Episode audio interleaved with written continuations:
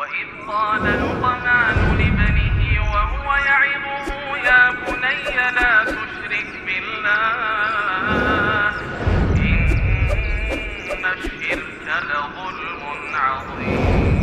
وإذ قال لقمان لابنه وهو يعظه يا بني لا تشرك بالله إن الشرك لظلم عظيم.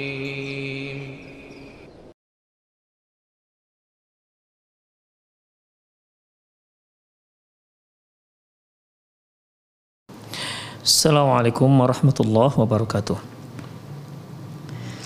إن الحمد لله نحمده ونستعينه ونستغفره ونعوذ بالله من شرور أنفسنا وسيئات أعمالنا من يهده الله فهو المهتد ومن يضلل فلن تجد له وليا مرشدا أشهد أن لا إله إلا الله وحده لا شريك له وأشهد أن محمدا عبده ورسوله الذي لا نبي بعده وقال الله سبحانه وتعالى يا أيها الذين آمنوا اتقوا الله حق تقاته ولا تموتن إلا وأنتم مسلمون يا أيها الذين آمنوا اتقوا الله وقولوا قولا سديدا يصلح لكم أعمالكم ويغفر لكم ذنوبكم ومن يطع الله ورسوله فقد فاز فوزا عظيما يا أيها الناس اتقوا ربكم الذي خلقكم من نفس واحدة وخلق منها زوجها وبث منهما رجالا كثيرا ونساء.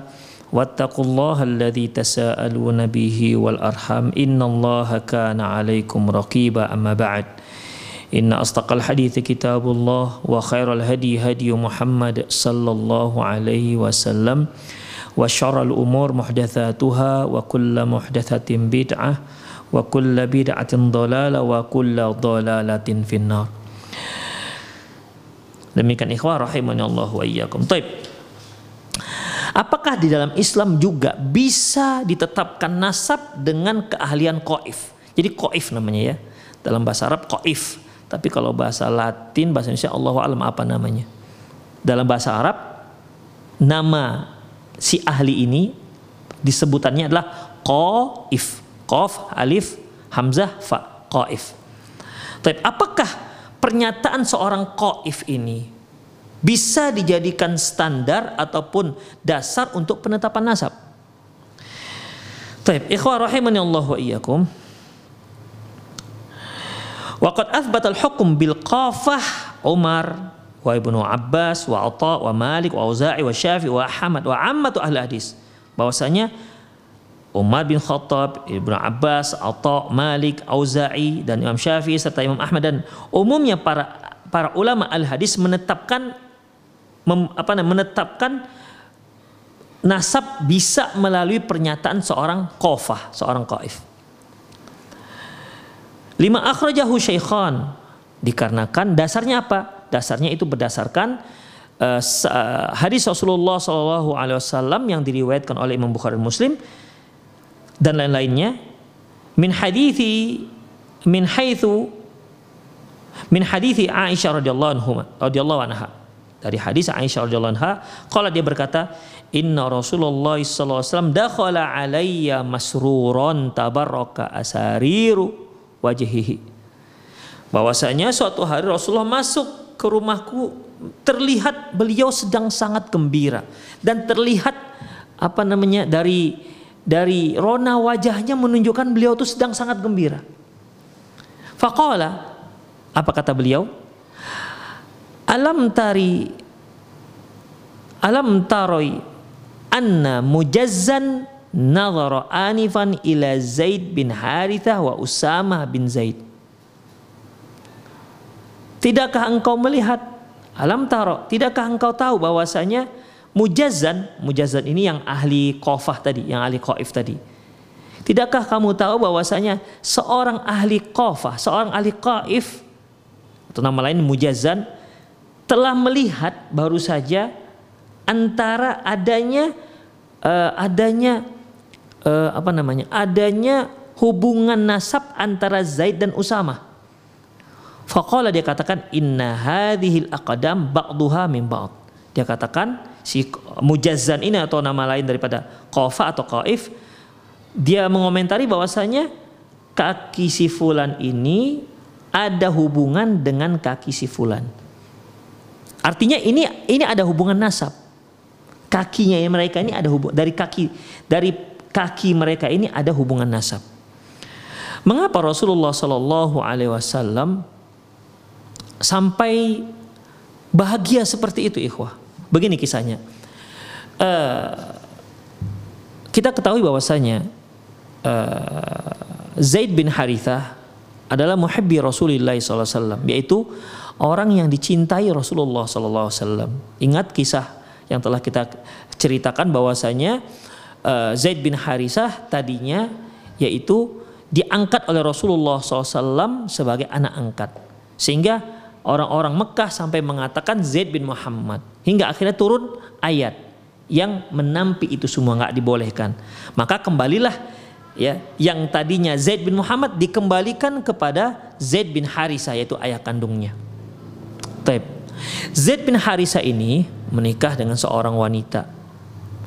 Lahirlah seorang anak yang bernama Usamah bin Zaid. Permasalahannya begini permasalahannya Zaid bin Harithah orangnya putih. Usama bin Zaid orangnya hitam. Sehingga penduduk warga menyangsikan akan kebenaran nasab Zaid nasabnya Usama kepada Zaid. Karena adanya perbedaan warna. Loh, apa betul ini? Usama ini anaknya Zaid. Beda masalahnya ayahnya putih, anaknya kenapa hitam? Itu ikhwah. Jadi ya biasalah yang namanya warga kan akhirnya terjadilah jadi viral lah masalah ini. Ada yang menyaksikan, ada yang lah, ada yang tak mempedulikan, ada yang menetapkan yang nggak ada masalah walaupun anaknya hitam ayah putih. Tapi ada, jadi jadi jadi jadi apa ya? Jadi pembahasan di di tengah warga. Itu yang membuat Rasulullah jadi nggak enak mendengarnya. Karena adanya orang-orang yang menyaksikan akan nasabnya Usama kepada Zaid. Kan Zaid bin, bin uh, Usamah bin Zaid. Orang menyaksikan demikian. Hingga akhirnya ikhwah waktu itu uh, Zaid bin Harisah tidur di sebelah Usamah bin Zaid anaknya. Kemudian mereka berdua ditutup. Diselimutin yang nampak hanya telapak kaki. Yang nampak hanya kakinya. Lantas didatangkanlah seorang kofa ataupun qaif atau mujazan yang ahli dalam masalah ini, yang ahli dalam masalah nasab, yang ahli melihat seluk beluk kaki uh, yang ada hubungannya dengan nasabnya. Lantas pendapat si mujazan ini ataupun si qaif atau si qafah dia katakan ini kaki ini ada hubungan nasab dengan kaki ini. Padahal orangnya diselimutin. Demikian. Mendengar hal itu Rasulullah gembira. Karena apa? Jadi selama ini orang menyaksikan jadi tertampi tidak benar. Itulah yang membuat Rasulullah menjadi gembira. Kenapa? Ganjalan, ganjalan selama ini ya sudah tidak sudah terhapuskan. Ya, karena apa namanya celotehan ataupun omongan warga itu membuat Rasulullah jadi nggak enak begitu. Karena ini Zaid Zaid bin Harisa ini sangat dicintai oleh Rasulullah SAW. Demikian juga Usamahnya anaknya dicintai oleh Rasulullah Sallallahu Alaihi Wasallam. Gimana tidak ya sampai beliau pernah mau mengatakan Zaid bin Muhammad tidaklah itu beliau lakukan kecuali dikarenakan kecintaan beliau terhadap Zaid. Nah, ini yang disangsikan oleh warga. Demikian ternyata dengan dengan seorang ahli kofi atau qaif atau kofa atau mujazan ini tertampiklah semua keraguan warga. Itulah yang membuat Rasulullah SAW senang ya dan itu yang uh, dengan wajah gembira itulah beliau masuk ke rumah Aisyah radhiyallahu anha serta mengutarakan apa sebab beliau merasa gembira. Dari sini jelaslah bahwasanya menetapkan nasab itu juga boleh dengan seorang ahli telapak kaki yaitu koif atau kofa atau mujazan tersebut. Dengan catatan tentunya harus seorang yang benar-benar ahli dalam bidangnya. Allahu alam apakah sekarang masih ada di di tanah Arab sana orang yang ahli seperti ini? Allahu alam. Kalau sekarang kan orang-orang untuk melihat keturunan ketika diragukan biasanya langsung dengan sel dengan DNA-nya. Ya kalau dulu cukup dengan kaki memperlihatkan kaki masing-masing orang tersebut bisa ditetapkan bahwasanya fulan anak si fulan, ada hubungannya dengan si fulan, ada hubungan kerabat dan keturunan dengan fulan. Itulah dengan mujazan itu ya ataupun qaif ataupun qafah. Demikian ikhwah. Jadi intinya bahwasanya dengan dengan mujazan itu bisa ditetapkan uh, hubungan nasab. Allahu alam bisawab. Kalau dahulukan dengan mujazan atau dengan qaif apakah bisa dikiaskan hal ini dengan apa namanya dengan penelitian DNA ya, apakah hal ini bisa ditetapkan penelitian DNA misalnya si fulan anak fulan. Nggak diakui dia sebagai anak misalnya. Nggak diakui. Mungkin dikarenakan si suami menuduh istri selingkuh misalnya ya. Menuduh istri selingkuh. Sementara tidak ada Eh, keterangan bukti yang jelas bahwasanya si istri selingkuh. Ya dalam Islam sebenarnya nggak boleh pernyataan seperti itu. Tidak boleh seorang suami menyatakan istrinya selingkuh ataupun berzina sehingga anak yang lahir adalah bukan anak dia tapi anak zina. Tidak boleh. Kecuali kalau dia datangi, dia datang membawa empat orang saksi. Satu. Atau ikhwah mereka saling melaknat baru bisa. Kalau enggak nggak bisa ikhwah. Ya, kalau tidak tidak bisa. Makanya uh, jika terjadi keraguan maka Allah alam bisawab kias dari keahlian qafah Allah alam bisawab juga bisa dilakukan dengan hubungan uh, eh, DNA. Allahu alam bisawab. Karena itu cara yang paling modern sekarang.